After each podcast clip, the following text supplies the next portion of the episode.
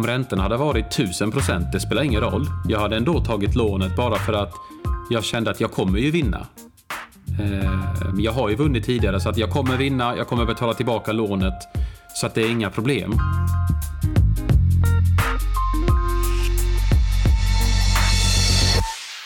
Välkomna till ännu ett avsnitt av Min dolda smärta. En poddserie om smärta som inte alltid syns på utsidan.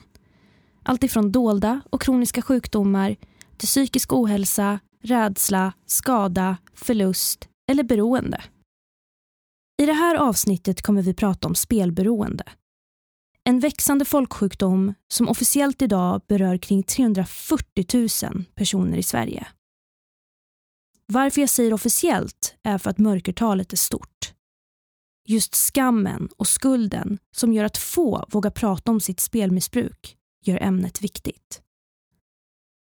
Hur vanligt är spelmissbruk egentligen? Och hur hamnar du i det? Hur tar du dig ur ett spelberoende? Och vad finns det för typ av hjälp att få? Och den stora frågan. De som tjänar på missbruket, det vill säga spelbolagen. Kan de ställas till svars? Och har de, eller tar de, något ansvar?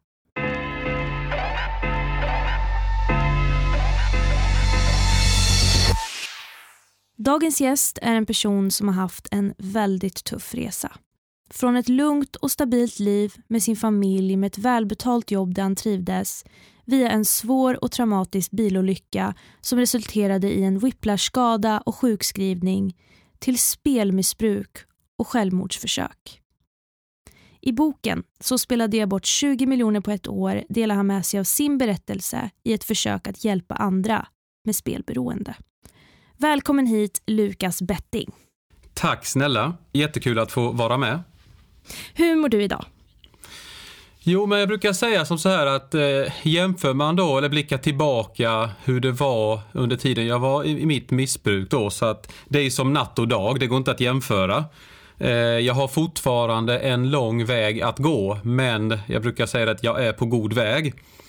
Och eh, ibland så brukar jag säga det att det, det, är lite som att man ska bygga det här pusslet tillbaka. Jag började från noll och pusselbitarna börjar sakta men säkert byggas tillbaka. Eh, och som sagt, jag, jag, är på god väg. Mm. Och hur ser den här vägen ut för dig? Jag menar, hur kan en dag se ut i ditt liv idag?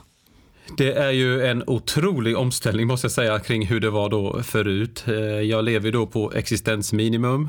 Jag eh, är sjukskriven idag. Eh, jag går upp väldigt tidigt på morgonen. Det går inte en dag, skulle jag vilja säga, att jag vaknar senare än 05 egentligen då. Och då går jag upp, jag tar mig till gymmet och på gymmet då så spenderar jag allt ifrån två till två och en halv timme. Det är mycket styrketräning, eh, konditionsträning, just att det är så viktigt att försöka hitta en hobby där jag kommer då på andra tankar. Och när jag är på gymmet och tränar, det behöver inte vara på gymmet, jag kan även vara ute och motionera, så, så kommer jag då på just andra tankar. Mm. Din story om hur du hamnade i ett spelmissbruk och spelade bort 20 miljoner har ju verkligen uppmärksammats i olika medier. Och du är ju känd under ditt alias Lukas Betting mm. och det är även så mm. du heter på sociala medier. Um, hur fick du det namnet? Ja, när allt kom ut eh, då sommaren 2018 så kände jag det att jag, jag kopplade bort allt. Alltså jag, hade, jag var inte aktiv alls på sociala medier. Jag, eh, tittade egentligen ingenting där fram då till senhösten. Eh, och då så kom jag då i kontakt med Aftonbladet. De ville ju såklart då skriva om, om detta. Då valde jag faktiskt att eh, inte visa någon bild på mig själv. Jag ville heller inte blotta min röst för någon. I och med att jag inte visste, ja, men jag kände det att hur kommer det här tas emot av folket? Kommer jag få hat? Kommer jag få, få kärlek? Jag visste inte alls, det var så mycket blandade känslor. Och då så sa då journalisten till mig att Nej, men vi sätter namnet eh, Lukas om det är okej okay för dig. Ja, visst, det är ingen, inga problem för mig. Då blev det Lukas och sen då till följd av det då så blev det betting så att Lukas betting blev det då sen. Mm. Och det har levt med egentligen ända sedan jag gått ut i media första gången då. Mitt riktiga namn är eh, Robert. Okej okay, mm. Robert, men om vi tittar tillbaks på allting innan allt det här inträffade och innan du gick ut med det till media. Om du fick beskriva Robert med tre ord, vad hade du sagt då? Då hade jag sagt för mig ganska självklara val där och det är snäll, glad och omtänksam. De tre egenskaperna symboliserar Robert. Var det så folk också uppfattade dig? Ja, eh, det gjorde egentligen alla för att jag är ju född och uppvuxen i, i Värnamo, en väldigt liten stad i, i Småland. Där jag då bodde i 30 års tid och det var ju så att ja, men de flesta visste ju vem jag var och eh, alla uppfattade mig i min omgivning då som, som alltid glad eh, och eh, väldigt omtänksam. Jag eh, brukade bjuda hem eh, alltså släktingar och så hem på besök för att jag ville på något sätt ta hand om alla och visa kärlek till, till alla. Jag kunde heller inte, när jag såg någon som var ledsen så försökte jag alltid att, att vara positiv eh, för den, den med personen då och eh, försöka få den glad. Eh, så det symboliserade eh, Robert som, som person. Och vad hände med den här positiva, glada, snälla, omtänksamma personen under den här tuffa perioden? Skulle du säga att de här tre orden fortfarande fanns kvar?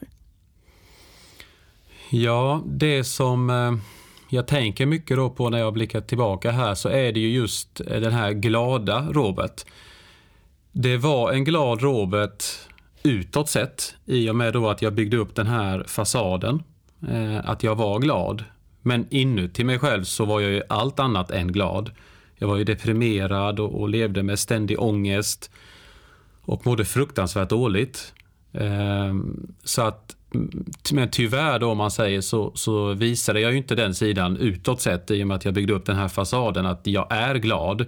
Och i och med att jag alltid har varit det så var det även den sidan jag fortsatte att, eh, att visa. Mm.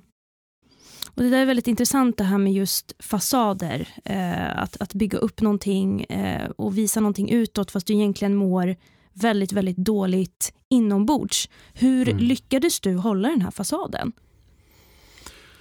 Ja, än idag så, så förstår jag faktiskt inte i och med att det var så mycket som hände. Eh, alltså då just sommaren 2017 till sommaren 2018. Alltså min psykiska ohälsa försämrades ju för varje dag som gick. Det var ju extremt många samtal som kom in varje dag. Sms kom in. Eh, jag besökte akuten för hjärtbesvär flera gånger. Eh, och jag var ju på något sätt som en, eh, någon form av bubbla som bara skulle explodera till slut. Jag höll allt inom mig. Och Det är väl egentligen det som jag aktivt försöker då förmedla till andra idag. Att snälla gör inte som, mig, som jag gjorde. Eh, dela med er, eh, åtminstone till en person som står er nära för det kommer att göra er väl. Eh, och ta lärdom då av det misstaget som, som jag gjorde. Att jag inte berättade för någon. För att det var ju i princip omöjligt att se på mig eh, att, jag då, att jag inte mådde bra. Mm. Och vad var det för personer som skrev till dig och smsade? Det som framförallt var då var ju alla dessa människor som eh, var inblandade i eh, att ha lånat ut pengar till mig då som, som då gick till mitt spelmissbruk. Och då var det ju ständigt frågor som var är mina pengar? Hur går det? När kommer pengarna in? Eh, och, och, i slutet så blev det också frågor som Ja, men, eller inte frågor utan mer påståenden som att det här är något skumt på gång nu. Eh, vi har inte fått tillbaka våra pengar under lång tid. Och det var ju också det som gjorde att stressen i mig, jag blev mer och mer stressad eh, och fick den här paniken varje dag. Mm. Att jag bara kände att jag måste lösa det här, hur ska jag göra? Och då eskalerar då eh, beroendet mer och mer och mer. Mm. Hur mycket är du skyldig de här personerna? För jag menar din bok heter ju Så spelade jag bort 20 miljoner på ett år. Hur mycket av de här 20 miljonerna är du skyldiga de här personerna som smsade och ringde dig? Då rör det sig om eh, cirka 15-16 miljoner kronor. Så det är otroligt mycket pengar. Mm.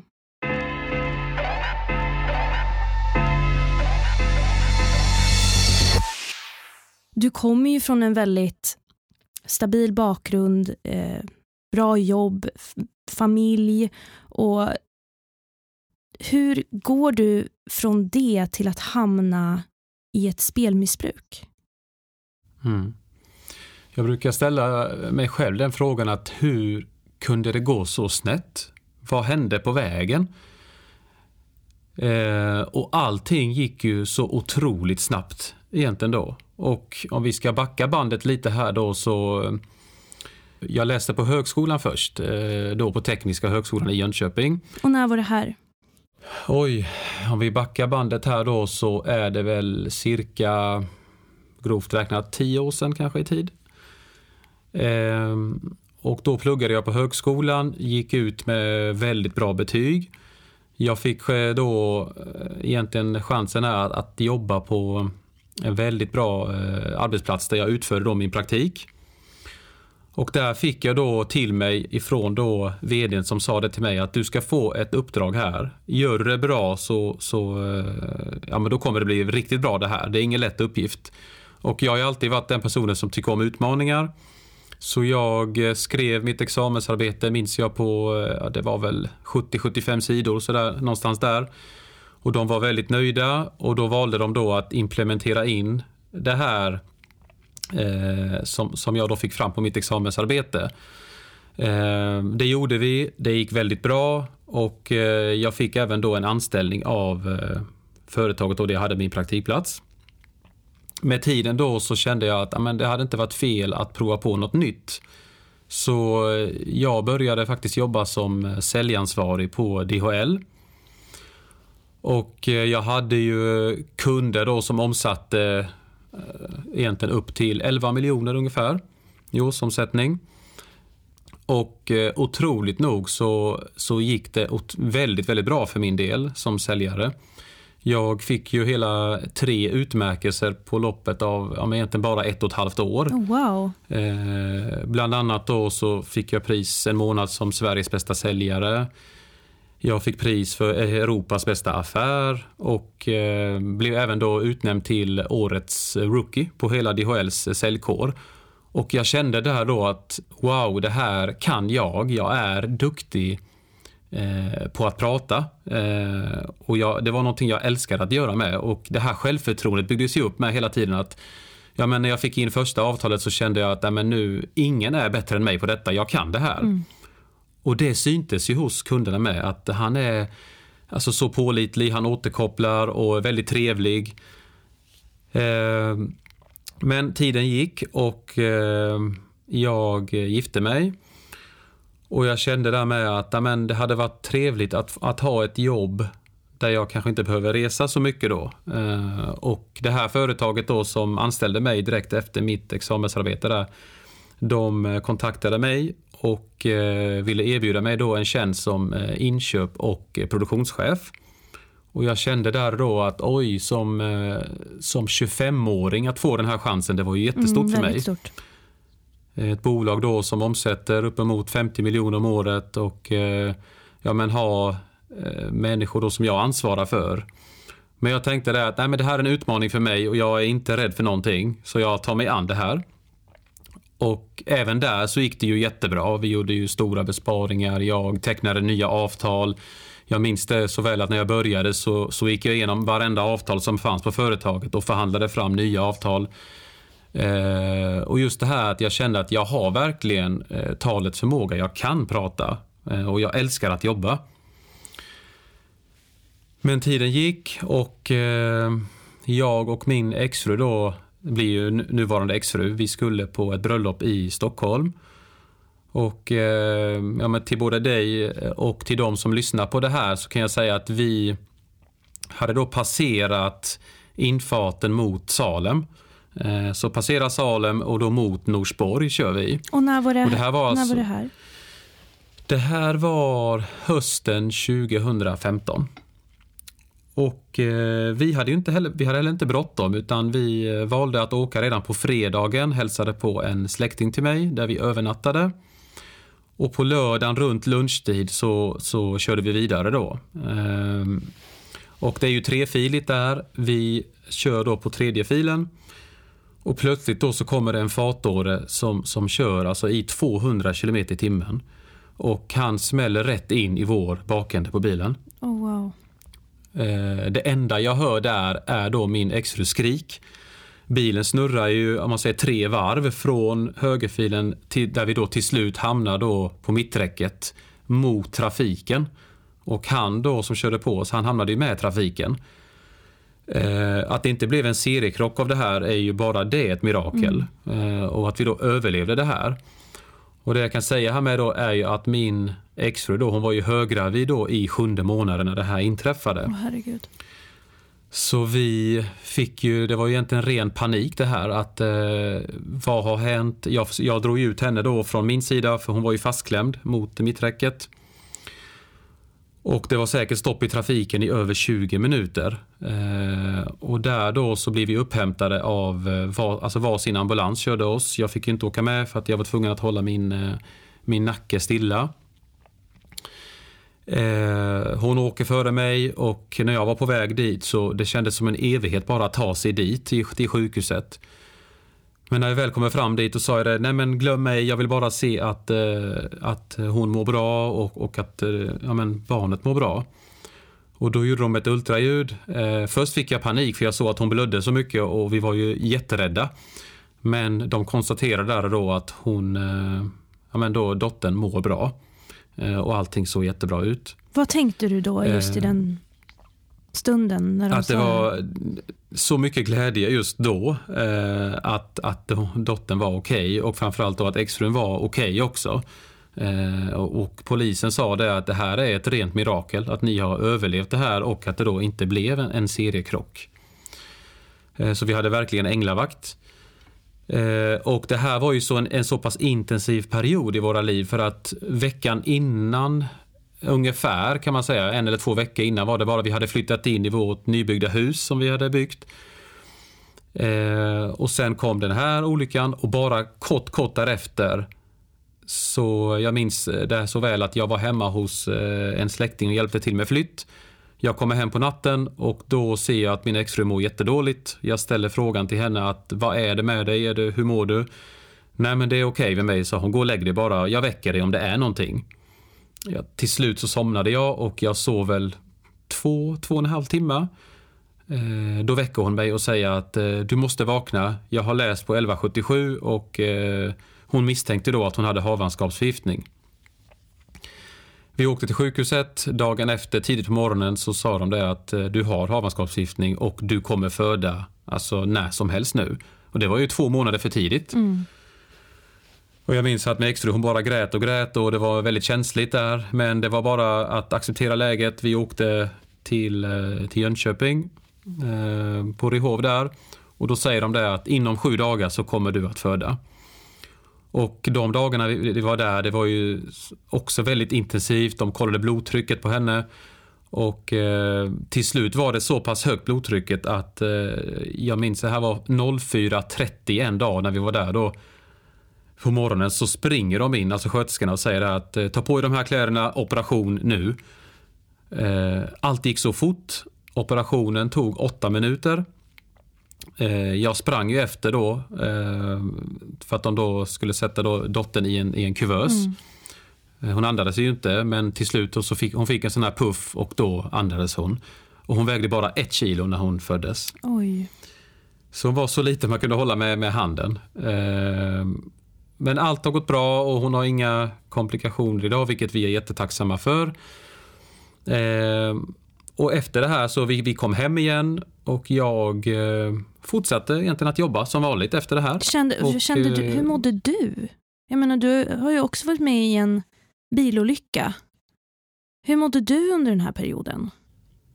Jag skulle vilja säga att jag försökte att inte, alltså tänkte inte alls på mig själv överhuvudtaget utan jag var, hade fokus på, på frun mm. och eh, dottern, att allting var bra där och att vi kommer hem trygga.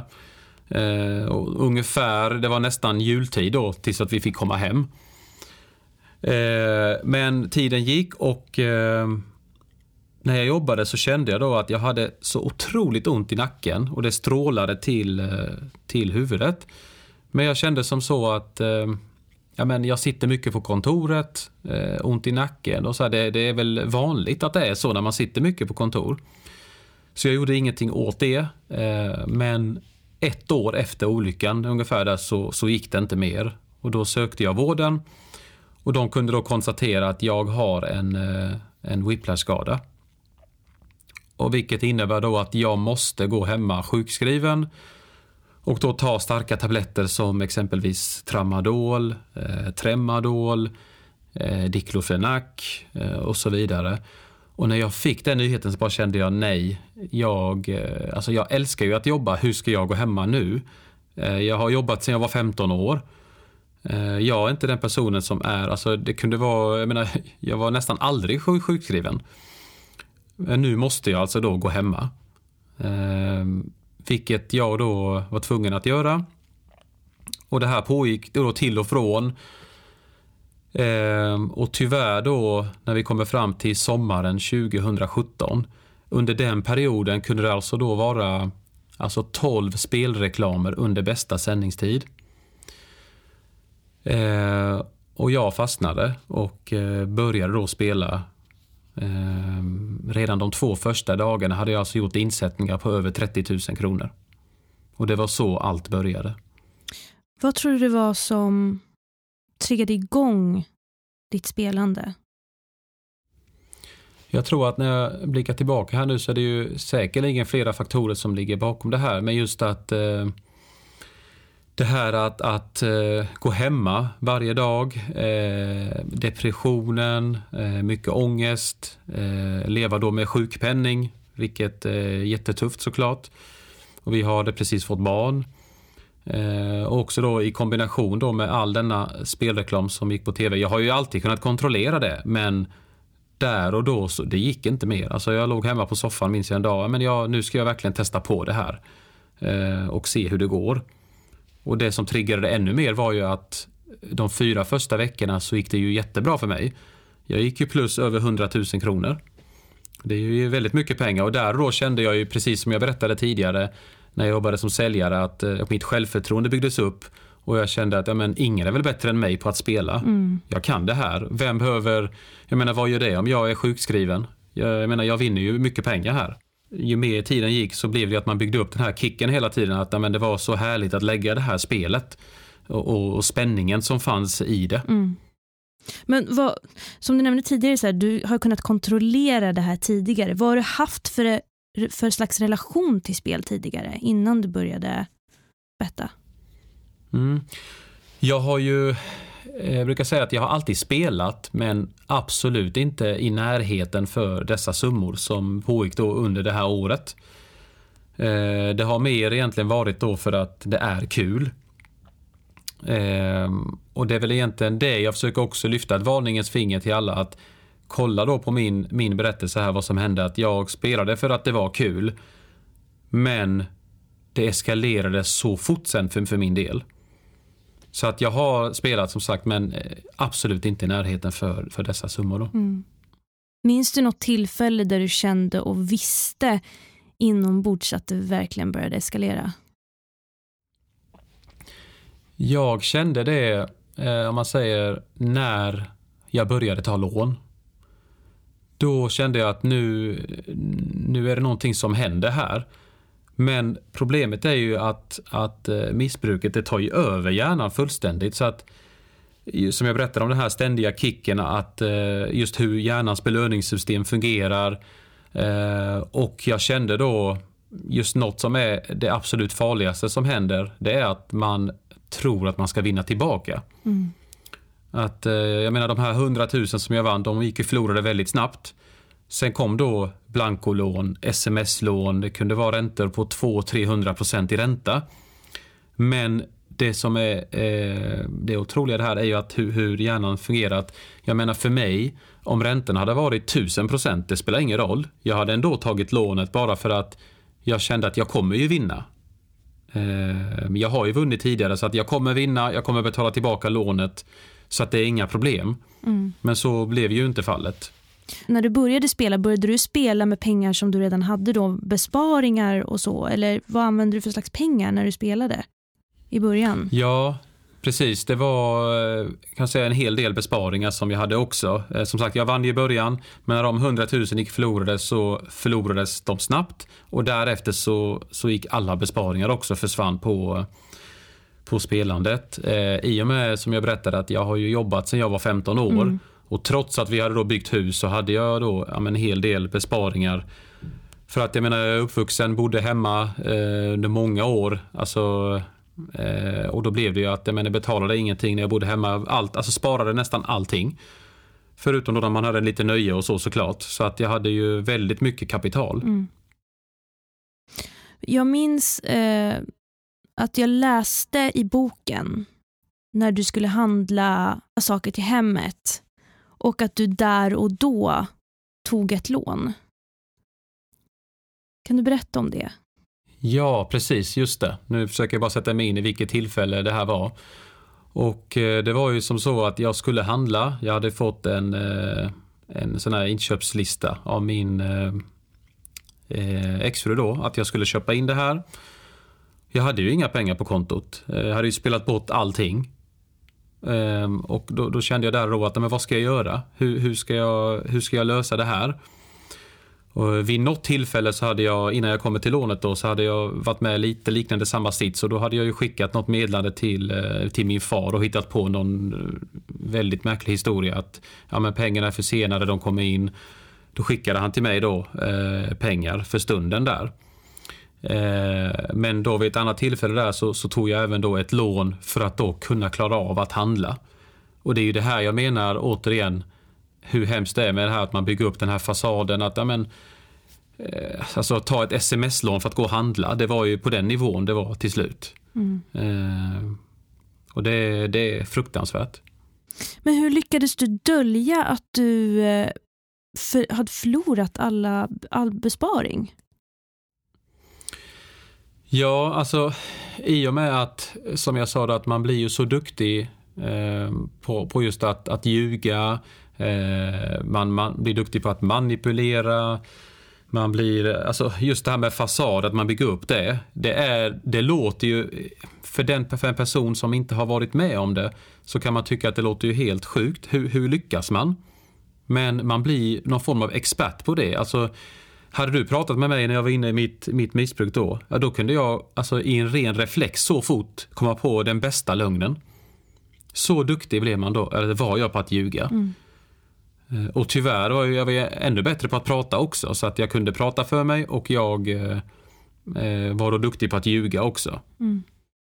Minns du någon, någon lögn som du drog idag? Ja, jag kan säga som så här, när jag var inlagd på akuten till exempel då så eh, tre gånger var jag inlagd för hjärtbesvär och det var ju på grund av all stress i och med att jag spelade så mycket då så frågade, eller ställde läkaren frågan till mig och, och sa det att eh, vad är det som händer? Är det något speciellt i livet nu eller var, varför blir det så här? Och då, just i den stunden, så snabb lögn kom fram där att eh, nej, det är mycket på jobbet, sa jag då. Det är väldigt stressigt. Mm. Och jag menar, det, det lät ju så bra där och då. Jag menar, det kanske stämmer, tyckte då läkaren. Att ja, det kan vara mycket på jobbet och då blir han stressad och får hjärtklappningar. Eh, så det kunde vara en typisk grej och, eh, och även då när jag skulle eh, tyvärr då försöka utföra mitt första självmordsförsök så, så han då polisen stoppa mig i, eh, i sista sekund.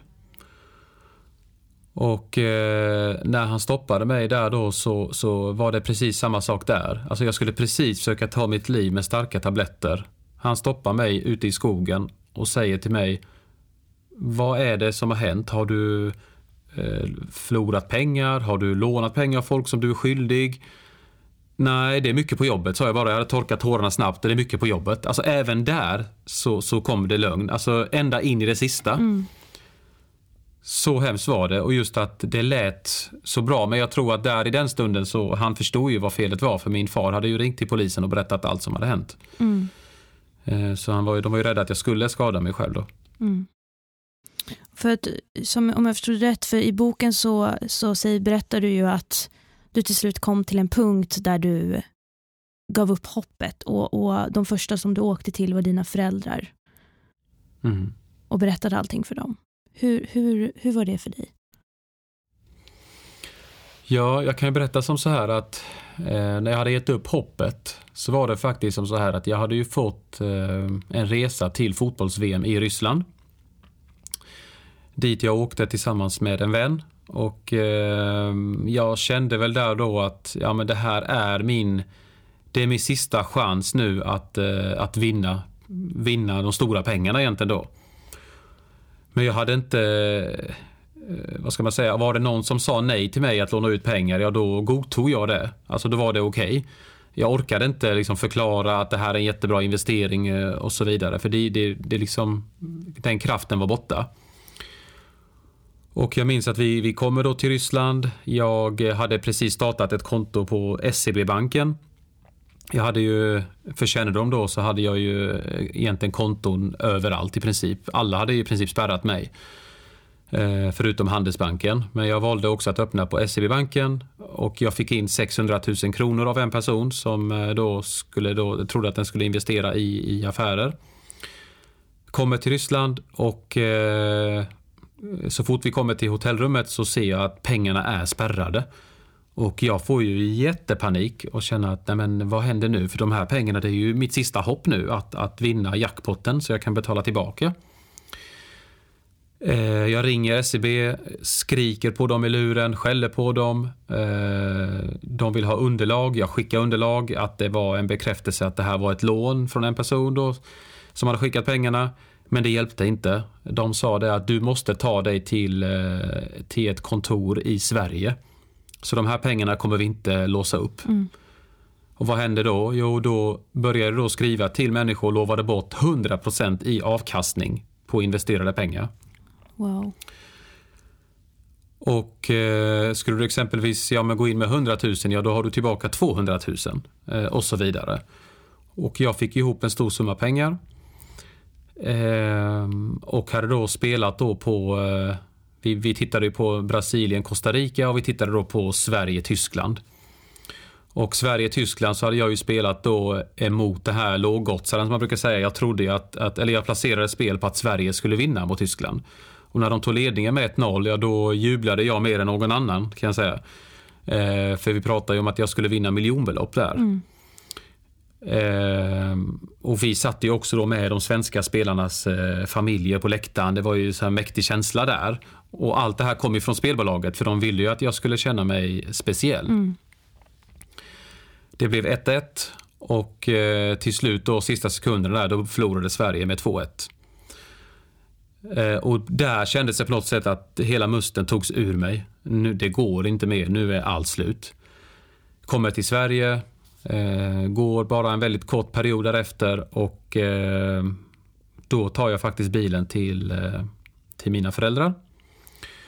Och jag var så blek i ansiktet. Eh, och min far, han var ju, det var ju hans andra semesterdag och han, han var ju så glad att se mig. Ja, men vad är frun, barnen och sådär. Ja, men jag sa det bara hämta in mamma då hon var i trädgården och höll på lite med växterna och sådär. Mm.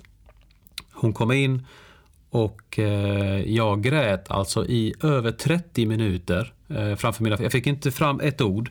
Och hade, alltså andningen var, det var svårt. Eh, och till slut så berättade jag. Och deras reaktion var väl något som jag inte förväntade mig och heller inte något som jag tyckte att jag förtjänade. Eh, utan de sa det att du är sjuk och vi, vi ska hjälpa dig att bli frisk. Vi pratade en stund och sen så, eh, jag vet mamma skulle ta fram lite, då, lite fika, vi skulle sätta oss och prata vidare. Eh, men jag smög ut och eh, valde då att ta mina föräldrars bil. Jag ser ingen logik i varför jag gjorde det, men jag tog deras bil. Och det var ju då de förstod att något är fel här. Mm. Och min pappa ringde då polisen och jag körde då en lång stund. Alltså jag kan säga det att jag hade då en, en telefon som jag hade fått från spelbolaget också då och det ringde konstant när jag var ute och körde. Det ring och ring och ring. Det var inte bara föräldrarna.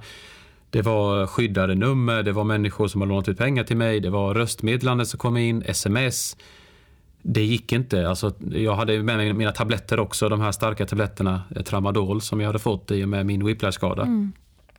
Och jag parkerade då bilen i, vid eh, landsvägen och det var då jag gick ut i skogen och böjde mig ner och bara tittade upp i himlen och bara... Alltså det föll så mycket tårar. Och till slut kände jag, nej, nu gör jag det här. Alltså det... Liksom alla hatar mig och jag, varför ska jag leva? Ehm, jag hann eh, få i mig en tablett innan då jag hörde polisen bakom mig ropa då. Ehm, hörru! ropade han då. Och det var då jag liksom snabbt torkade tårarna och då drog den här lögnen att det är mycket på jobbet. Mm. Polisen förstod ju att det är bara lögner och eh, sa det att eh, du måste in till psykiatrin. Eh, annars kommer inte jag kunna leva med mig själv, sa han, om inte du åker in. Så vi åkte förbi eh, mitt hem lite snabbt och eh, skulle hämta ett par saker bara.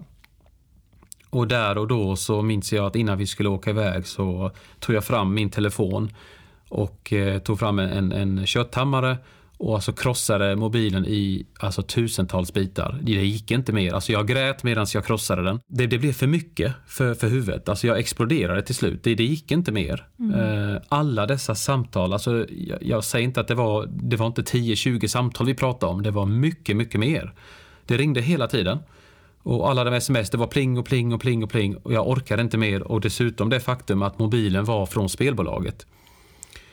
Jag krossade den medan jag, tårarna bara forsade ner och därefter då så polisen eh, liksom tog mig och sa att nu måste vi åka då och då åkte vi till eh, psykiatriska akutmottagningen i eh, Jönköping. Mm. Och hur var det för dig att vara där? Alltså jag kan säga som så här att man får ju höra mycket om vården i, i Sverige då att det är mycket negativt som, som pratas om det men för min del så kan jag säga att det, det var bara positivt. Eh, fantastiska människor som jobbade där, tog hand om mig jättebra. Specif speciellt var det en person jag minns som eh, verkligen tog hand om mig. Att, eh, jag menar det fanns ett rum, så, här, så kallat eh, vilorum. Vi gick in, där man kunde då få en massagestol och eh, han sa att du behöver inte säga någonting, bara ta det lugnt. Så det var så här lugn avkopplande musik i bakgrunden och han pratade och jag lyssnade. Och efter ett tag så började jag då öppna mig också för, för honom också och berätta. Eh, men det var, jag vet inte, jag, jag, fick jättebra hjälp. Men det som jag gjorde där var ju egentligen att jag, alltså det var ju vakna, ta tabletter, eh, äta frukost, sova igen, vakna, tabletter, lunch, sova. Alltså det var konstant sömn. Och jag var ju också rejält överviktig där. Eh, och jag skulle bli ännu mer överviktig eh, efter den perioden då. Fick du ha kontakt med någon under den här perioden?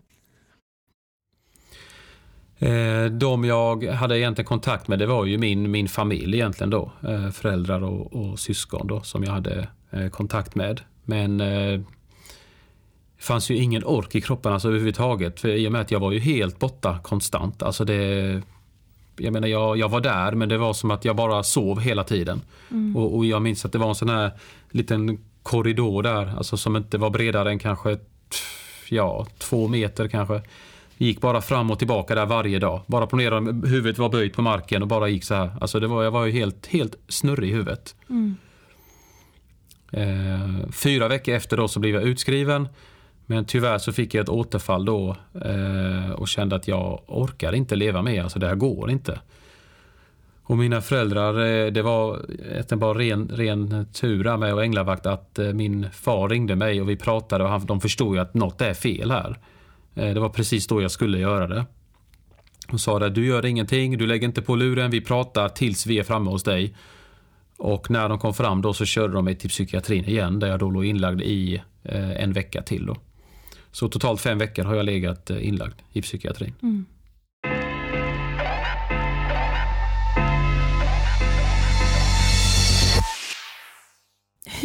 Tankarna hos dig när du börjar märka av att du faktiskt lider av ett spelmissbruk? Tankarna som gick var ju egentligen att jag ständigt måste, jag måste vinna tillbaka. Det fanns inte en chans i världen att jag skulle berätta att jag har spelproblem. Eh, jag måste bara lösa det här. Alltså, och det var ju det som gjorde att att insatserna blev ju alltså större och större och större. Som ett exempel kan jag säga att alltså under loppet av tio timmar en dag så hade jag alltså spelat för 8 miljoner Oh, wow. kronor. 10 timmar, det var spel för varje spel kunde vara kanske på en halv miljon, eh, 300 000, 400 000. Alltså, det var, det, det var på den nivån det var i slutet för att jag var så desperat och jag kände att jag måste bara vinna. Eh, och som exempel då så kan jag säga för de som lyssnar kanske då att ja, men jag kunde exempelvis spela på att nästa minut så ska det bli inkast i en fotbollsmatch. Eh, och den insatsen var absolut, alltså det var aldrig under 50 000 kronor eh, på det då. Ehm, och det, det var just alltså extrem eh, eh, desperation egentligen. Vad gör de här spelbolagen för att se till att hålla kvar dig? Ja, alltså enda det jag kan säga då innan jag går in på det är att alltså ända sedan jag valde att gå ut i media så kände jag att jag gör det här men det som har hänt är, helt och hållet mitt ansvar. Jag skyller aldrig på någon, har aldrig gjort det och kommer inte heller att göra det. Men spelbolagen har ju också betett sig på ett sätt som inte är okej okay, om man säger. Och eh, nu kan jag inte berätta allt här idag för vi har även då rättsliga processer som vi har tagit till då mot spelbolagen.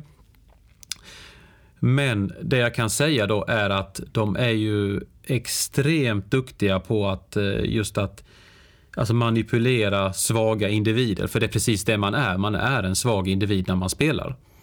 Det är ju så mycket de gör. Det är framförallt då att man får ett överflöd av eh, gåvor eh, som du får. Du får eh, mycket, mycket bonusar som gör att du du fortsätter att spela. Jag menar, det var vid ett tillfälle så minns jag att jag, jag hade inte spelat på en dag bara.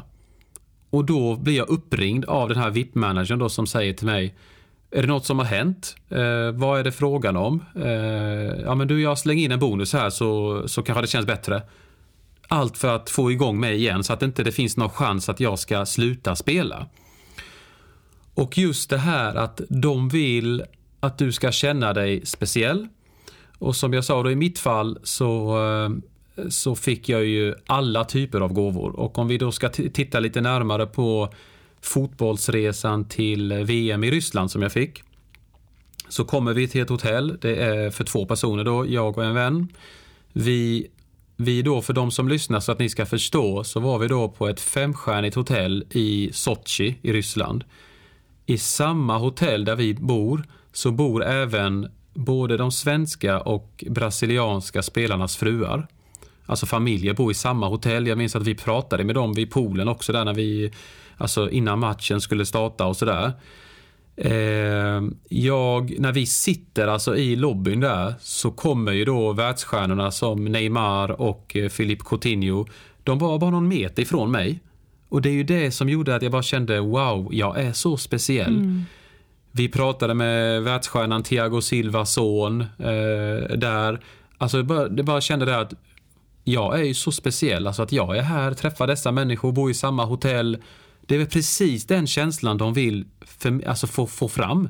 Och var du intresserad av fotboll? Visste de att det här skulle få dig att, att må bra? Ja, ja. mycket ja. Och eh, så kan jag också berätta då att, att när Sverige skulle då möta Tyskland, det var egentligen den matchen vi åkte för.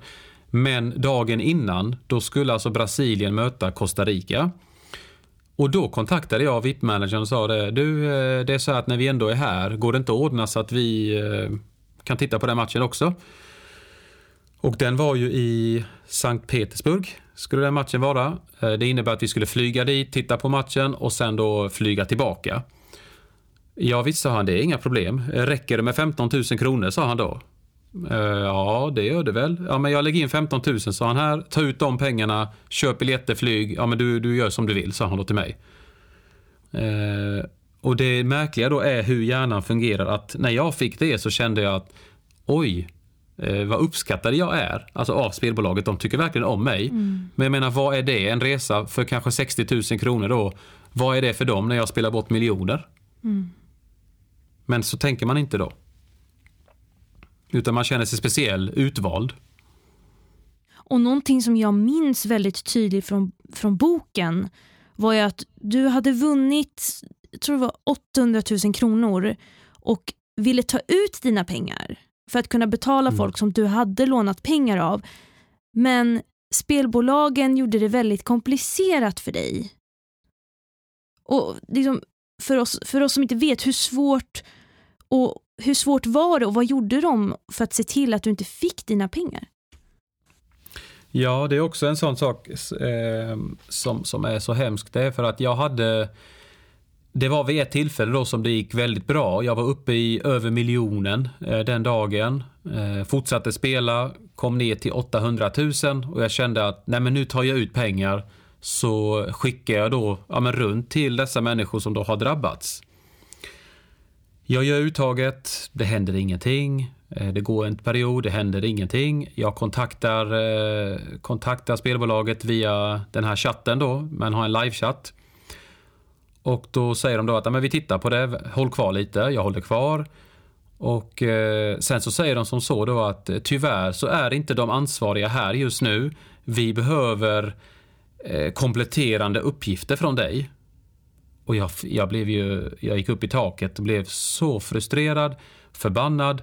Sa det att vadå kompletterande uppgifter? Ja, du måste skicka in eh, bild på körkort, eh, eh, bild på en faktura där vi ser att du är du. Men allt det här hade jag redan gjort sen innan. Mm. När det handlar om att göra insättningar, då var det inga problem. Men när det handlar om att göra uttag, då skulle det bli ett jätteproblem. Jag fick inte ut pengarna. Och eh, vad innebär det här för mig då som, som sitter inne då med min problematik, vilket de även visste om? Jo, jag avbröt mitt uttag till slut då. Och de pengarna kom ner till 5 000 på jättekort tid.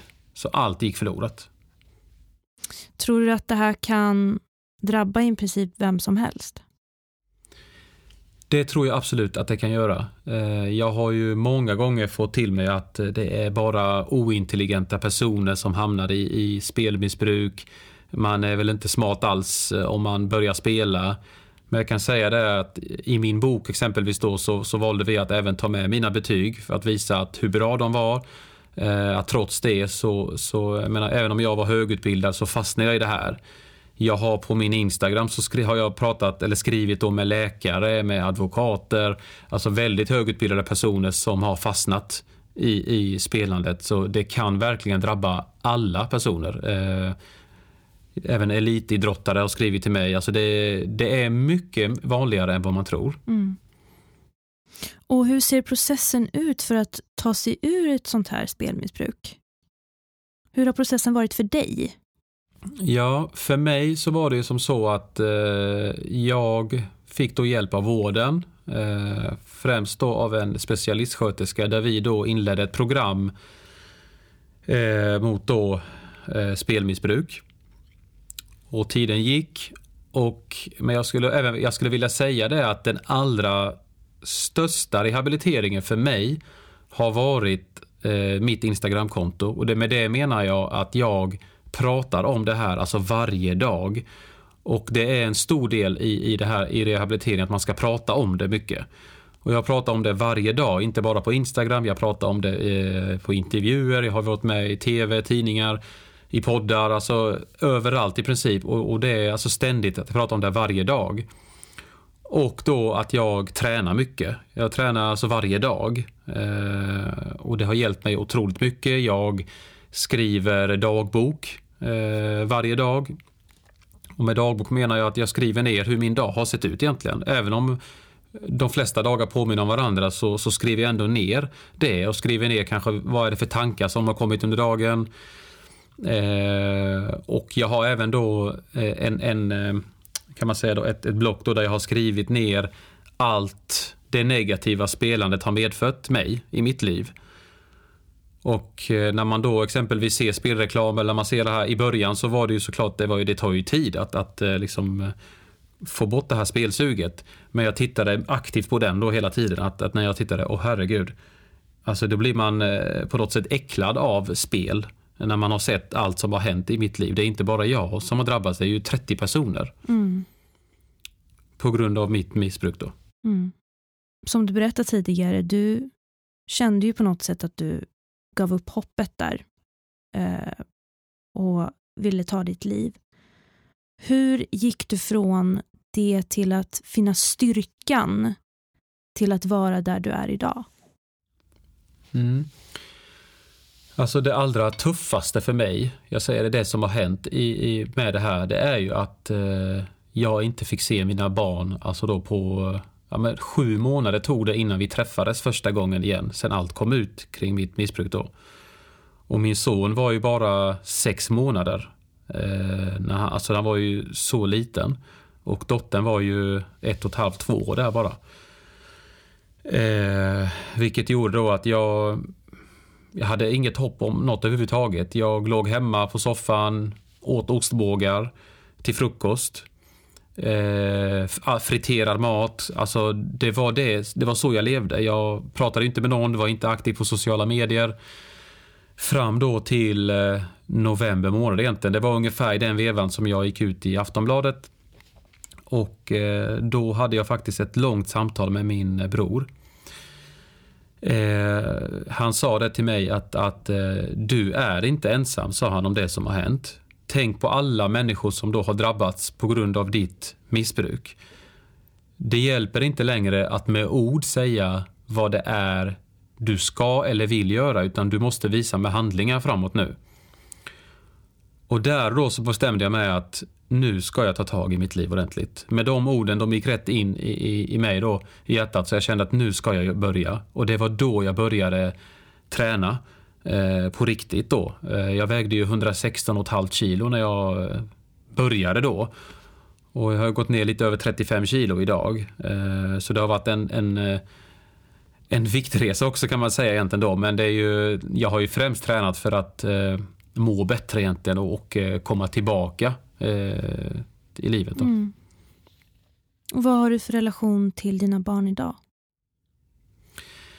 Vi har ju alltid haft en, en fantastisk relation, jag och mina barn. Eh, och jag tror att det det märktes ju rätt så fort också när vi skulle träffas första gången där efter sju månader. Jag minns att jag var, det låter kanske konstigt, men jag var så nervös på något sätt för det, den träffen. Mm. Alltså det hade gått sju månader.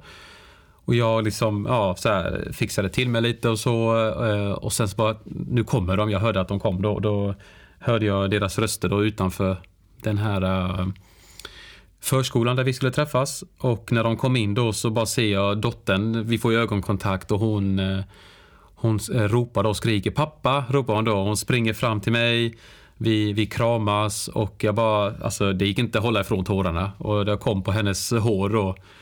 Eh, och bara titta på mig. Pappa ledsen, sa hon då. Jag sa, ja men nu är det bra, liksom, sa jag till henne då. Mm. Eh, och, och sen den dagen, jag säger att den dagen var Alltså det var den bästa dagen i mitt liv sen allting kommit ut om mitt missbruk.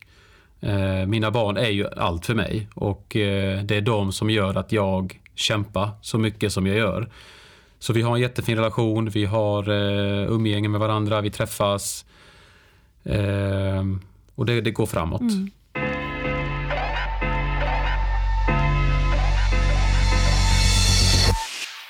Och du kämpar ju inte bara för dig själv, du kämpar ju även för att andra också ska få den hjälp som de behöver. Du har ju som sagt skrivit en bok, Så spelade jag bort 20 miljoner på ett år. Jag har läst den och rekommenderar verkligen att du som lyssnar också läser den. Det här är en väldigt ärlig bok och belyser verkligen ett stort problem eh, som många mm. lider av och även hur spelbolag bidrar till att trigga igång människors beroende. Hur har det varit för dig att skriva den här boken? Väldigt mycket känslor måste jag säga. Jag har ju själv eh, pratat in också ljudboken då eh, och det var så, så känsligt. Alltså det, även om jag pratar om det ofta så är det ju så tufft just att när man, man måste just prata in det som faktiskt har hänt i livet. Mm. Jag, kan, eh, jag kan ibland sitta alltså, flera timmar och bara prata om allt som har hänt. Det är ju jättemycket. Hade vi haft fem timmar här nu skulle vi kunna prata i fem mm, timmar. Verkligen det är jättemycket som har hänt. Eh, men varför jag skrev boken och valde att göra det, det var egentligen, skulle jag säga, främst två anledningar. Det ena är att jag vill väcka, att det på något sätt ska, ska hjälpa andra. Det ska skicka en varningssignal kring då spelandet, vad det kan göra med ditt liv. Eh, och hur snett det faktiskt kan gå. Från, och, och, just att man kan vara en normal person med ett egentligen vanligt jobb, vanlig familj och leva ett normalt liv helt enkelt. Men att man då kan, eh, det kan gå så fort.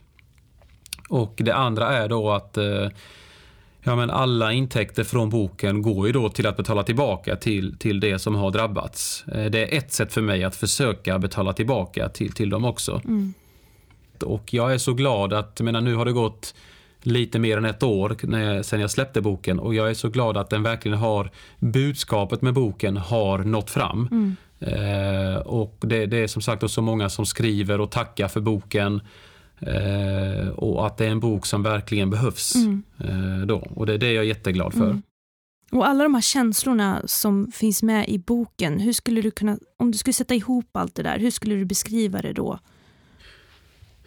Det är jättesvårt men eh, det är egentligen alltså just att boken förmedlar mycket det här med psykisk ohälsa då såklart. Eh, hur den försämrades med tiden. Och det var ju alla dessa känslor som jag sagt då att just eh, depression, ångest, röster i huvudet. Alltså jag kan säga det att jag, alltså jag, det, var, det var så mycket skrik i huvudet konstant. Och det var ju det som gjorde då att jag till slut bara skulle explodera människor som har eh, som har levt med psykisk ohälsa vet ju vad jag pratar om. Men människor som kanske inte lever med det tycker väl, eller kanske inte riktigt förstår vad jag menar. Men jag tänker också mycket på det här med, med då, eh, poddens namn här, Min dolda smärta.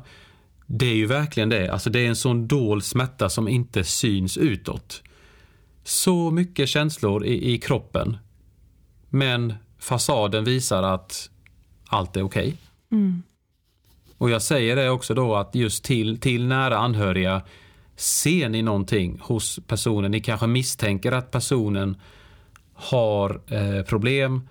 Eh, var inte rädda för att ställa krav. För att det är för personens bästa. Mm. Och vad kan det vara för krav? Det kan exempelvis vara då att man eh, begär att få se kontoutdrag. För jag, jag säger som så här att älskar du personen, personen älskar dig tillbaka.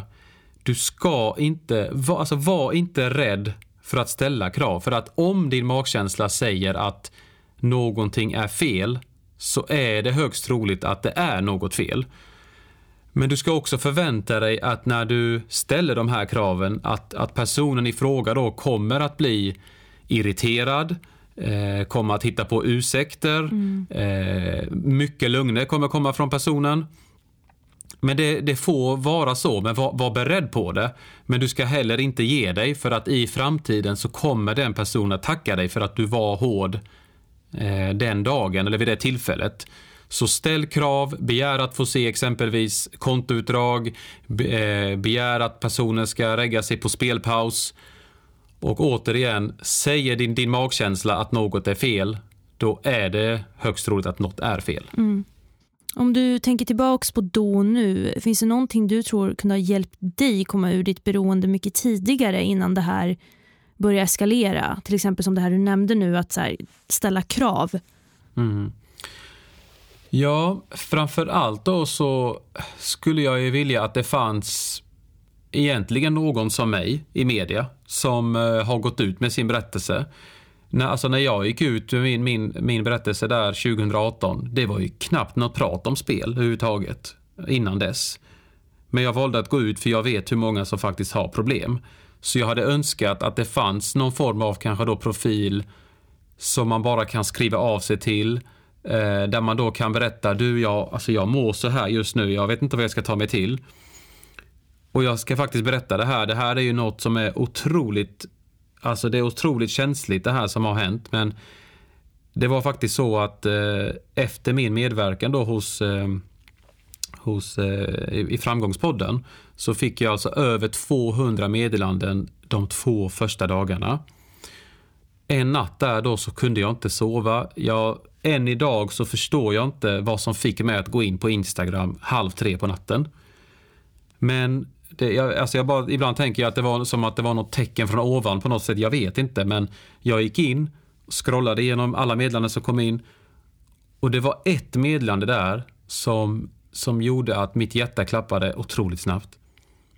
Varför det gjorde det är för att det var en person som eh, hade skrivit till mig att eh, han har bestämt sig att han skulle då ta sitt liv och det skulle ske alltså den dagen han skrev. Eh, och jag fick ju panik när jag såg det här och tänkte, är det för sent nu? Har det här hänt redan? Och halv tre på natten så skickade jag ut flera meddelanden alltså till, till, till honom och bara skrev ge mig ditt nummer, snälla mm. hör av dig, alltså, vad, vad är ditt telefonnummer? Och plötsligt så, så kom det ett pling tillbaka med bara telefonnumret, ingen text eller någonting. Och jag samlade mig snabbt, jag var ju, alltså mitt hjärta slog ju så hårt. Och jag kände där och då att, amen, om jag ringer och är, har panik så kommer ju det förvärra situationen ännu mer. Så jag måste va, hålla mig lugn. Jag ringer personen och han sitter alltså i sin bil och skulle då alltså ta sitt liv i, i den stunden där. Hade förberett allt och eh, hade även skrivit då avskedsbrev till sin fru. Han hade alltså fru och barn också hemma som, eh, som låg och sov medan han var ute. Då. Och det här brevet skulle ju då antagligen då frun läsa när hon vaknade då, eh, och se att han är borta. Och vi pratade alltså i över en och en halv timme. Jag, jag bara kände att han, det här får inte hända. Jag var lugn och sansad, för jag visste precis, jag, alltså alla känslor han hade där då, visste jag, jag visste precis hur han kände. Mm. Och efter att ha pratat i en och en halv timme så, så vände han faktiskt bilen, han åkte hem igen och jag sa till honom att eh, jag kommer inte lägga på förrän du går in genom dörren igen och lägger dig inne då. Klockan var efter fyra på natten. Eh, och då så, så sa han att nu är jag hemma. Han somnade, jag kunde inte somna sen och jag vet inte om han gjorde det heller men det var, eh, alltså det var uppe i varv. Dagen efter så kom det då ett långt meddelande till mig där han då avslutar med då de här orden där han skriver älskar dig mannen, sa han då. Eh, alltså du har räddat mitt liv. Eh, och jag har även då pratat med hans eh, med hans fru på Facetime efteråt och sett hans barn. Och vi har ju fått en, en eh, vad ska man säga, connection då med varandra också. Men just att jag kände att kan min alltså berättelse då bidra till att det faktiskt kan rädda liv, då har jag vunnit så mycket bara där. Mm. Och han är inte den enda. Det har hänt mycket, mycket fler saker. Det var det som jag sa innan, att vi skulle kunna sitta i timmar och prata om mm, allt detta. Mm. Eh, men just den här händelsen eh, alltså står mig så varm i hjärtat och eh, han har även skrivit vet jag, till Alexander, Framgångspodden efteråt och sagt att hade det inte varit för din podd så hade jag inte kommit i kontakt med, med eh, Lukas då, så, och då hade jag inte varit vid liv idag. Eh, alltså just den händelsen är, eh, jag kommer aldrig glömma bort den, den, mm. den händelsen. Mm. Jag förstår det. Har du något tips på vart man skulle kunna vända sig om man verkligen behöver hjälp och behöver prata med någon? Ja, jag säger som så här att man ska vända sig till, eh, vi har exempelvis eh, stödlinjen, är ett väldigt bra verktyg att eh, gå in där. Sen så skulle jag verkligen rekommendera att i den kommun man bor, ta kontakt med kommunen och se ja, men de vet ju var man ska vända sig till i den kommun man bor eller tillhör då. Så ta kontakt med dem, men även då stödlinjen är, är eh, väldigt bra att komma in på och eh, få, eh, få hjälp där. Mm. Sen så skulle jag verkligen då rekommendera att eh, registrera sig på spelpaus.se omgående. Det är något man ska göra direkt. Mm.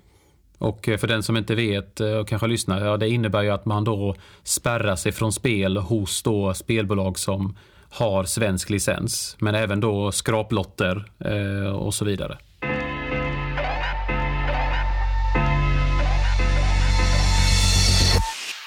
Hur ser du på framtiden, Robert? Idag så ser jag på framtiden på ett helt annat sätt än vad jag gjorde då förut. Idag så ser jag faktiskt positivt på framtiden. Jag eh, har bestämt mig att jag kommer aldrig ge upp. Jag vill visa andra att det går att, att ta sig tillbaka. Och jag vill också visa andra att det är okej okay att, att visa känslor och att det är okej okay att vi alla har bra dagar, vi har dåliga dagar. Men det är helt okej okay att, det, att det är så. Eh, man ska inte dölja inte dem och det är det jag har lärt mig nu att jag är öppen om det istället. Jag, den här fasaden är borta nu, alltså den finns inte mer att jag ljuger. Bara det känns som en befrielse att jag har slutat med alla lögnerna som jag hade under det året. Mm. Så jag är positiv på framtiden. Jag har en dröm om framtiden och eh, det är att en dag kunna få tillbaka ja, men det här, ett normalt liv. Och eh, då att kunna betala tillbaka till alla dessa människor då som har drabbats eh, på grund av mitt missbruk. Mm. Och om du fick gå tillbaks i tiden och prata med dig själv under perioden där du hade gett upp hoppet, vad hade du sagt då? Då hade jag faktiskt sagt att eh, du är inte ensam om att gå igenom det här. Och framförallt att du har människor omkring dig som älskar dig för den du är. Och snälla, gör inget mot dig själv utan ta hjälp. Bara berätta så kommer du att få hjälp. Och just det viktiga, återigen det här att du är inte ensam. Det, det är något som jag försöker förmedla varje dag. Eh, många kan ju känna det att när man är inne i det här att nej, men det är ingen som har gjort det här. Det är, eh, det är så unikt detta och jag eh, hur kan jag göra det här? Men det finns många i samma sits. Du är inte ensam, det finns jättebra hjälp att få och det finns människor som, som älskar dig för den du är. Ehm, och just att berätta för någon, det kommer att göra dig väl. Mm. Tusen tack för att du delar med dig av din berättelse Robert som hjälper flera människor där ute. Var kan man köpa din bok någonstans eller hitta dig på sociala medier? Ja, på sociala medier så finns jag ju då på Instagram och eh, där är det då Lukas Betting med K och i ett ord. Och min bok finns ju bland annat hos Bokus, Adlibris, eh, egentligen lite överallt på, i näthandeln. Och eh, finns även som ljudbok hos eh, bland annat Storytel. Tusen tack Robert. Tack själv för att jag fick vara med.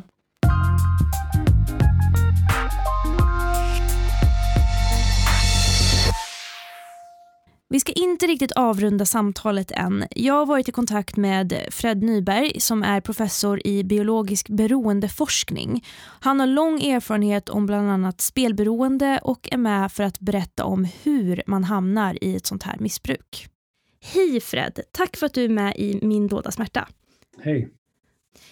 Du jobbar ju som professor inom biologisk beroendeforskning. Vad innebär det? Ja, det innebär för min del att jag forskar på biologiska mekanismer som eh, ligger bakom utveckling av beroende och hur man sedan kan hantera detta.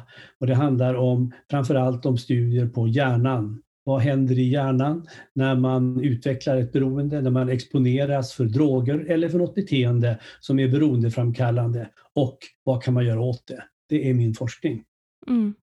Och hur blir man då spelberoende? Vad är det som händer i hjärnan? Ja, när det gäller eh, spelberoende så talar man alltså om eh, tre viktiga faktorer. Och eh, det är framför allt nummer ett, det är ärftlighet eh, kopplat till vilka gener man bär. Nummer två, miljön, den sociala status man har, uppväxtförhållanden eh, och eh, skola och kompisar betyder också mycket. Och sen det tredje, själva expositionen, att man utsätts för någonting som är beroendeframkallande. Det kan vara en, en drog, det kan vara ett beteende. Så de tre faktorerna tror jag är viktiga, alltså ärftlighet, miljö och själva expositionen. Men samtidigt så finns det någonting vi kallar, talar om samsjuklighet. Den är också viktig, det kan vara en psykiatrisk eh, samsjuklighet som också bidrar till att man lättare hamnar i ett beroende. Och vad innebär det? Ja, det innebär att eh, personer som eh, kanske har depression, som kanske har, lider av ADHD, ångest, de ökar risken att hamna i ett beroende. Förutom den, eh, det som har med gener och ärftlighet att göra när det gäller den personlighet vi får eller det som har med miljön att göra om vi växer upp i utanförskap eller eh, dåliga sociala förhållanden eh, eller andra stressfaktorer. Och, och sen det tredje som jag talar om då, det är själva expositionen. Utan, du kan ha sårbara gener, du kan ha en komplicerad miljö, men du blir inte beroende om det inte finns någonting att bli beroende av som en drog eller som till exempel hasardspel. Mm. Men just de här tre faktorerna som du pratar om, finns det någon av dem som kan trigga igång det här extra mycket? Jag menar till exempel, det finns ju personer som kommer från en trygg bakgrund, trygg miljö, eh, har ett stabilt liv och inte lidit av någon typ av psykisk ohälsa tidigare, men som ändå fastnar i ett missbruk. Vad tror du det beror på?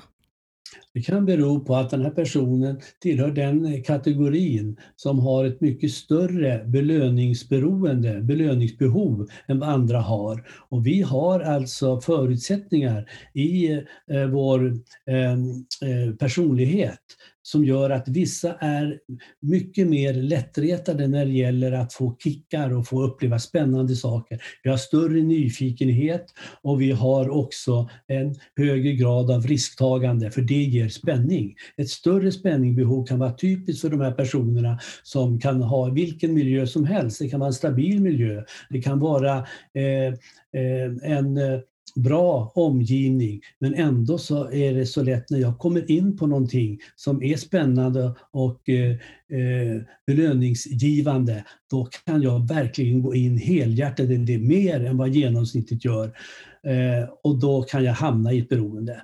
Och den här egenskapen, det är ingenting som enbart är negativt, för det är ju en oerhört drivkraft för personer som eh, är innovativa och som eh, är utvecklande och som är påhittiga. Det är den kategorin som samtidigt har den här höga sårbarheten att fastna i någonting av, det, av den spänning och de spännande saker som man söker. Mm. Just det här när det kommer till personligheter, pratar du om att den här personen kanske har någon typ av beroendepersonlighet då? Ja, man kan ju tala om detta. Det är ju så att det här har man ju forskat mycket på eh, senare år. Vad är det som finns i den ärftliga komponenten? Vad är det man kan ärva? Och det som ligger att ärva när det gäller att utveckla en beroendepersonlighet, det handlar om eh, nyfikenhet, st starkare nyfikenhet än genomsnittspersonen, ökat risktagande och ett belöningsberoende. Och det här kan kopplas till olika gener till, i hjärnan, till exempel till belöningssystemet. Och de generna eh, eh, skiljer sig lite åt hos olika individer. Det finns varianter som gör att vissa individer är mer benägna, svarar starkare på belöning när man väl exponeras för dem. Eh, det är en del av de faktorer som man talar om. Mm. Finns det några förutfattade meningar om en, så här, en sån här typ av beroende? När det gäller allmänt beroende så har det ju alltid många meningar till det här. När jag talar om ett beroende, då talar jag om att det inträffar en förändring i hjärnan, en anpassning som gör att man får, man kan väl säga, tala om en snedställning. Och eh, en uttalat beroende, då handlar det om en snedställning som man kan tala om en patologisk förändring, det vill säga en sjukdom. Och eh, Eh, man kan inte enbart tala om att det är ett val av en person, utan när en person har eh, utvecklat ett beroende, då handlar det också om ett sjukdomstillstånd, alltså om en patologi som man har drabbats av. Och eh, det finns lite förutfattade meningar om det, för de menar att ja, men det här är en självvald historia, det här eh, eh borde man sluta med direkt. Men har man fastnat i ett beroende, då kan man inte bortse från eh, sjukdomsaspekten. Och hur kan man på bästa sätt hjälpa en person som lider av det här? Ja, det finns ju många strategier för det. För det första så gäller det att förstå vad det är som händer i hjärnan och med den kunskapen, eh, man vet att det är liknande saker som händer i hjärnan på en hasardspelberoende som det gör på en substansberoende person. Och utifrån det så har man vissa, eh, utvecklat vissa strategier för att bemöta och hantera det här, för att behandla den här personen. Nummer ett är ju att försöka få en bra kontakt så man på ett klokt sätt kan eh, medvetandegöra den här personen om att det här eh, du har hamnat i, det är en situation som inte alls är bra för dig utan här måste vi göra förändringar. Man kan ju då se till att om det handlar om spel om pengar, då kan man se till att det begränsas möjligheterna. Vissa spelbolag eh, kollar upp det här och ser om en person eh, har ett överdrivet spelande och kan då sätta stopp och begränsa honom. Eh, vissa myndigheter sätter att det, man får inte spela mer än för, för 5 000 i veckan under pandemin. Det är ett sätt. Men eh, har man väl utvecklat ett beroende behövs det oftast mycket mer. Och det vanligaste behandlingsstrategin man har det är ju eh, psykologisk behandling, till exempel beteendeterapi, KBT, kognitiv beteendeterapi, eller MIT, en motiveringsterapi som man har. Men i vissa fall så behövs det också eh, kompliceras med eh, mediciner. När det gäller substansberoende, då har vi en hel del mediciner att komplettera en behandling med. Men när det gäller spelberoende så har man inte riktigt nått fram där, utan vad man ofta får ta till det är ju att kunna behandla symptom. Och symptomen hos en spelberoende, det är inte sällan en psykisk ohälsa då kan det handla om sömnsvårigheter, det kan handla om depression och då får man behandla dem. Och där har vi även mediciner förutom de, psykologiska terapimetoderna. Mm. Förutom eh, medicinen och just den psykologiska biten, då, vad finns det mer man kan göra? Ja, det man gör det är ju att man har ju speciella eh, eh, spelberoendecentra som sköter och bemöter de här. Och där kan man få komma in i gruppterapi, gruppsamtal där man har andra som är i samma situation. Eh, det är olika typer av terapier som man kan få hjälp med att ge varandra stöd. Men eh, naturligtvis en viktig sak är att om det är så att det är belöningssystemet som ständigt triggas igång så behöver man kanske kunna ersätta det med något annat normalt, inte sällan när någon slutar med att spela intensivt som har blivit spelberoende, då kan det leda till att han börjar ta något annat som är beroendeframkallande. Det kan vara, det kan vara alkohol och droger och det är ju inte bra. Men, Nej, jag tänkte direkt att det kan vara ganska problematiskt ja. att ersätta det med någonting annat. Eh, men däremot så finns det kanske saker man kan ersätta detta. Att vara ute och röra sig i naturen är ju oerhört mycket bra för en beroende. Få kontakt med nya intressanta eh, saker som även stimulerar belöningssystemet. Då kan man få en bra kompensation. Och det här ligger lite i, eh, jag talar om till exempel att vara ute och röra sig och möta människor, sitta i samtal. Det är ju en terapeutisk bit som man kan ägna sig åt. Men att komma in i andra aktiviteter eh, som eh, även ger en god kompensation. Där eh, arbetar man ju en hel del med och det ingår ju i de psykologiska eller sociologiska terapier som man har till förfogande. Mm. Och avslutningsvis, har du några bra tips på vart man skulle kunna vända sig om man behöver söka hjälp? Ja, det finns ju många. Jag menar, både eh, Socialstyrelsen har ju ansvar för eh, behandling av eh, beroende, spelbero, hasardspelberoende medan eh, Folkhälsomyndigheten har ansvar för den preventiva sidan.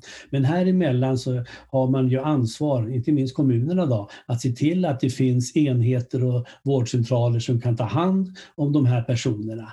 Men oftast, som sker oftast, det är att det finns eh, särskilda behandlingsenheter som är med specialister på det här området som man kan söka upp. Och en av dem som är lättillgänglig det är stödlinjen som man kan hitta på nätet där man kan få direkt eh, eh, behandlingsinstruktioner och hjälp via nätaktiviteter. Och det kan vara ganska framgångsrikt. Tack så jättemycket Fred. Mm. Tack själv.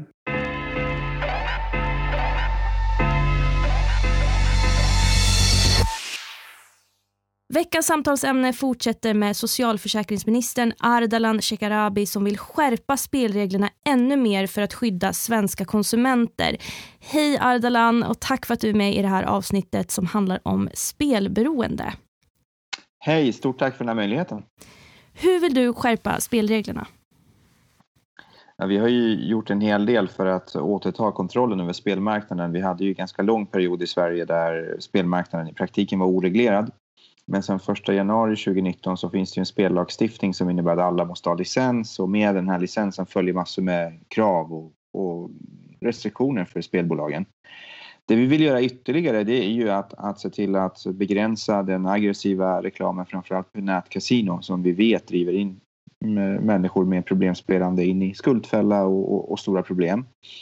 Men vi vill också jobba med att utveckla ansvaret som, som bolagen har för sina kunder, att, att man jobbar förebyggande. Så det är egentligen två områden. Dels att se till att, att eh, begränsa marknadsföringen av den mest aggressiva formen eh, och också förstärka bolagens ansvar för, för kunderna att, att, att uh, identifiera problemspelande tidigt och sätta in då, uh, insatser tidigt. Och på, på vilket sätt vill ni begränsa marknadsföringen? Ja, det vi vill fokusera på är ju den mest aggressiva eh, marknadsföringen för den farligaste spelformen, nämligen nätkasino. Så vi har ett förslag på vårt bord just nu om, om ett antal då, begränsningar. Eh, vi har skickat ut det förslaget på remiss och vi vill få in också synpunkter från experter och forskningen för att göra det som är mest effektivt för att skydda konsumenterna på spelmarknaden. Vi vet att, att, att just nätkasino är den farligaste spelformen och då behöver aggressiviteten i spelreklamen för den formen minska och det krävs eh, restriktioner från statens sida. Mm. Och anser du att eh, just den här spelreklamen är en bidragande faktor till spelmissbruk? Det är en bidragande faktor till att, att uh, få människor med uh, problemspelande uh, att, att, att söka sig till, till ett spel som är farligt för dem. Så att, det är klart att det påverkar absolut. Man kommer inte ifrån att, att, att marknadsföringen är en viktig del av, av, av spelverksamheten. Mm. Och du nämnde det här med ansvar vilket, har spelbolagen något ansvar gentemot spelarna? Ja, de har en omsorgsplikt enligt den nya lagstiftningen vilket innebär att de, de har alltså en, en, laglig skyldighet att, att visa omsorg som, om sina kunder och därmed också identifiera problemspelande. Det som håller på att hända nu är att den här omsorgsplikten håller på att konkretiseras så att det blir väldigt tydligt för bolagen vad som följer av omsorgsplikten, vilka skyldigheter och förpliktelser de har gentemot kunderna och hur de måste jobba aktivt eh, för att identifiera problemspelande tidigt. Och hur kan de göra det? Ja, det handlar ju om mekanismer där man med hjälp av data kan, kan identifiera problemspelande och då handlar det om att konkretisera vilka skyldigheter man har att gå in då eh, och sätta stopp för problemspelande. Mm. Och hur ser, hur ser du på påtryckningarna som de utövar i form av resor och gåvor och bonusar till stor, storspelare för att få dem att fortsätta spela mer? När det handlar om bonusar så har vi ju sett ett behov av att, av att eh, nu under pandemin sätta ytterligare begränsningar. Eh, så vi har ju satt tak för, för, för bonusar och den typen av erbjudanden just för att vi vet att, att det är eh, en av de åtgärder som måste vidtas för att skydda konsumenter som är sårbara. Så vi ser ju ett behov av att, att reglera den här eh, frågan och det är därför också vi har infört tillfälliga regler under pandemin som, som sänker då, eh, taket eh, och som begränsar möjligheterna till bonusar, erbjudanden om bonusar. Hur kommer det sig att det här inte ses som mutor?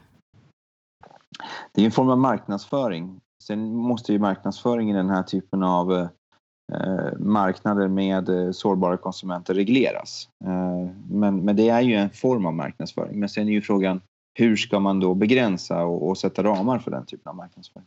Mm. Och hur straffas spelbolag som tillåter alltså, folk under 18 att spela? det är rätt så eh, höga böter och, och i slutändan också möjlighet för myndigheten att dra tillbaka, sin, eh, dra, dra tillbaka eh, licensen för bolaget. Och det har, det har hänt sedan 2019. Det, det är rätt så eh, kännbara egentligen effekter av eh, sanktionerna när man begår brott mot, mot eh, de bestämmelser som följer av spellagstiftningen. Och vad har staten för ansvar gällande spelreklam, tycker du? Nej, vi har ett ansvar att reglera det här. Vi har en ett ansvar för att skydda våra medborgare och definitivt de mest sårbara konsumenterna på spelmarknaden och då måste staten ta sitt ansvar. Det var ju också skälet till varför vi genomförde den här reformen och tog tillbaka kontrollen och säkerställde att alla bolag måste följa svensk lag om de driver verksamhet gentemot Sverige oberoende av om de verkar här eller om de har sitt säte i ett annat land. Mm. Men när, när skadan väl redan är skedd, hur tänker du då? Skulle det gå att införa någon typ av gode man även för spelberoende? Och vad skulle då krävas tror du? Det, det som har hänt är att, att eh, rätten då till, till eh, stöd och behandling har införts i, i den socialpolitiska eh, och sjukvårdspolitiska lagstiftningen. Eh, också för de som har spelberoende. Och det hände ju året innan vi genomförde spelreformen. Och skälet till det är att vi ser det här, vi erkänner det här som en sjukdom som behöver behandling och samhällets insatser. Så nu är det en rättighet att, att kunna få eh, den typen av eh, behandlingar och insatser. Sen är ju i praktiken så att behandlingarna måste förbättras och, och utvecklas för det är ju rätt så stora variationer geografiskt beroende på vilken kommun och region du bor i så, så får olika kvaliteter på, på de behandlingar som kan erbjudas och det är också väldigt stora skillnader på väntetider. Så vi har en dialog också eh, med de relevanta aktörerna här och förra veckan så, så redovisade ju min kollega Lena Hallengren som ansvarig för socialtjänstrelaterade frågor regeringens strategi då, bland annat eh, mot spelmissbruk och det är första gången som spelproblematiken eh, inkluderas i den strategin. Så det är också ett erkännande att nu fokuserar vi på, på stödet till de människor som, som, som har det här missbruket. Det måste ses som ett missbruk, som en mm. sjukdom som, som förtjänar samhällets stöd och erbjudande om behandlingar. Varför tror du det har tagit så lång tid innan det faktiskt har blivit erkänt som en sjukdom? Ja, den frågan har jag faktiskt ställt mig, ställt mig själv. Jag vet inte. Jag, jag, jag blev spelminister 2014. Jag, jag noterade ju att det fanns rätt så stora brister egentligen hur det verkade, eh, hur det, hur det var i Sverige. Både när det handlade om spellagstiftningen men också spelfrågan i socialtjänstlagstiftningen. Men det som är bra är att sen dess har det hänt väldigt mycket. Så på ganska kort tid så lyckades vi både omreglera spelmarknaden, återta kontrollen från statens sida införde möjligheten att stänga av sig från, från allt spelande genom självavstängningsprogrammet Spelpaus. Men också att det blev då en rättighet i socialtjänstlagstiftningen och i sjukvårdspolitiska lagstiftningen. Mm. Och på vilket sätt tror du pandemin påverkar? Pandemin ökar risken för utsatthet eh, av den anledningen att många människor är socialt isolerade, eh, har begränsade sociala kontakter. Många är också påverkade ekonomiskt. Eh, har blivit arbetslösa. Så kombinationen av den sociala isoleringen och den ekonomiska utsattheten gör ju att risken för problemspelande ökar.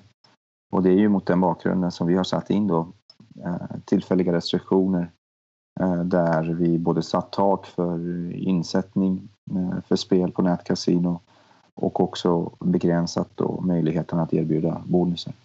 Mm. Vad är det för tak ni har satt? Ja, man har liksom byggt upp en, en modell som handlar om en beloppsmässigt tak. Problemet här har ju varit att, att det är svårt att i, i praktiken med dagens regelverk omöjligt att sätta ett totalt tak utan det blir ju ett tak per spelbolag vilket gör att man kan då hoppa mellan olika spelbolag. Så en av de, de långsiktiga processerna efter pandemin med tanke på de insikter som har växt fram under pandemin det är ju att se vad kan vi göra för att skapa ett starkare helhetsskydd så att man inte kan liksom hoppa mellan olika spelbolag. Där har vi infört den här möjligheten då med eh, självavstängning, då, spelpaus.se. Det gäller hela marknaden. Men när det gäller eh, beloppsmässiga tak så finns inte den, den mekanismen, den möjligheten. Så då har vi fått införa ett tak per spelbolag. Och också samma sak med, med, med tak på eh, möjligheten att erbjuda bonusar. Men det, men det är klart att hoppar man mellan olika bolag då, Eh, då finns det ju ändå fortfarande möjlighet att spela bort väldigt mycket pengar. Eh, men det har ändå i dialogen med eh, organisationer som, som, som företräder människor med problemspelande men också forskningen understrukits att den här typen av åtgärder är viktiga. Det skickar också en väldigt tydlig signal till samhället att, att, att det här är ett, problem, ett problemområde som förtjänar samhällets fokus. Mm. Hur kommer det sig att du brinner så starkt för den här frågan, Ardalan? För att sen jag blev eh, minister med ansvar för, för spellagstiftningen hösten 2014 så har jag mött väldigt många människor som, som har berättat om sina vittnesmål. Om dem, hur de har farit illa på grund av problemspelande. Många föräldrar, mödrar som, som, som talat om hur deras söner oftast drabbats av, av, av problemspelande och fått sina liv förstörda. Eh, det här är ett allvarligt problem som man möter ofta faktiskt. Om, om man liksom lyfter frågan så är det ofta många som kliver fram och berättar om de möten som de har med eh, spelmissbrukare i familjen eller i närheten eller på arbetsplatsen. Så det här är ett stort problem i vårt samhälle. Även om det är en minoritet av medborgarna, en, en liten minoritet av medborgarna relativt sett som, som har problemspelande, är det tillräckligt många människor för att det ska vara ett ett stort samhällsproblem som förtjänar också eh, vårt fokus och vårt arbete för att begränsa eh, skadeverkningarna av, av problemspelande. Mm. Och hur ser du på spelande själv?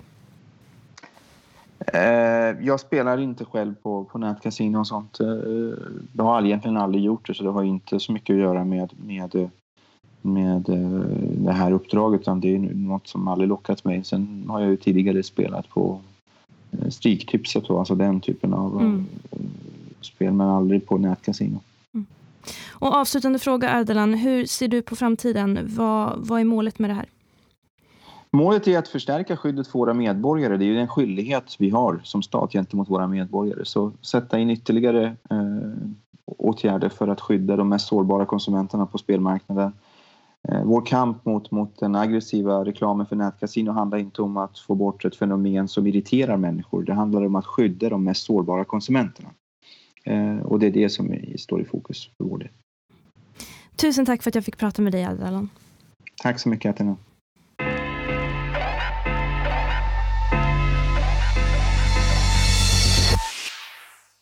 Vi hoppas verkligen att det här kan hjälpa några av er som känner igen er i Roberts situation att inte hamna där. Tusen tack för att du har lyssnat och förhoppningsvis fortsätter lyssna på oss även nästa vecka. Och det gör ni enklast genom att prenumerera på podden.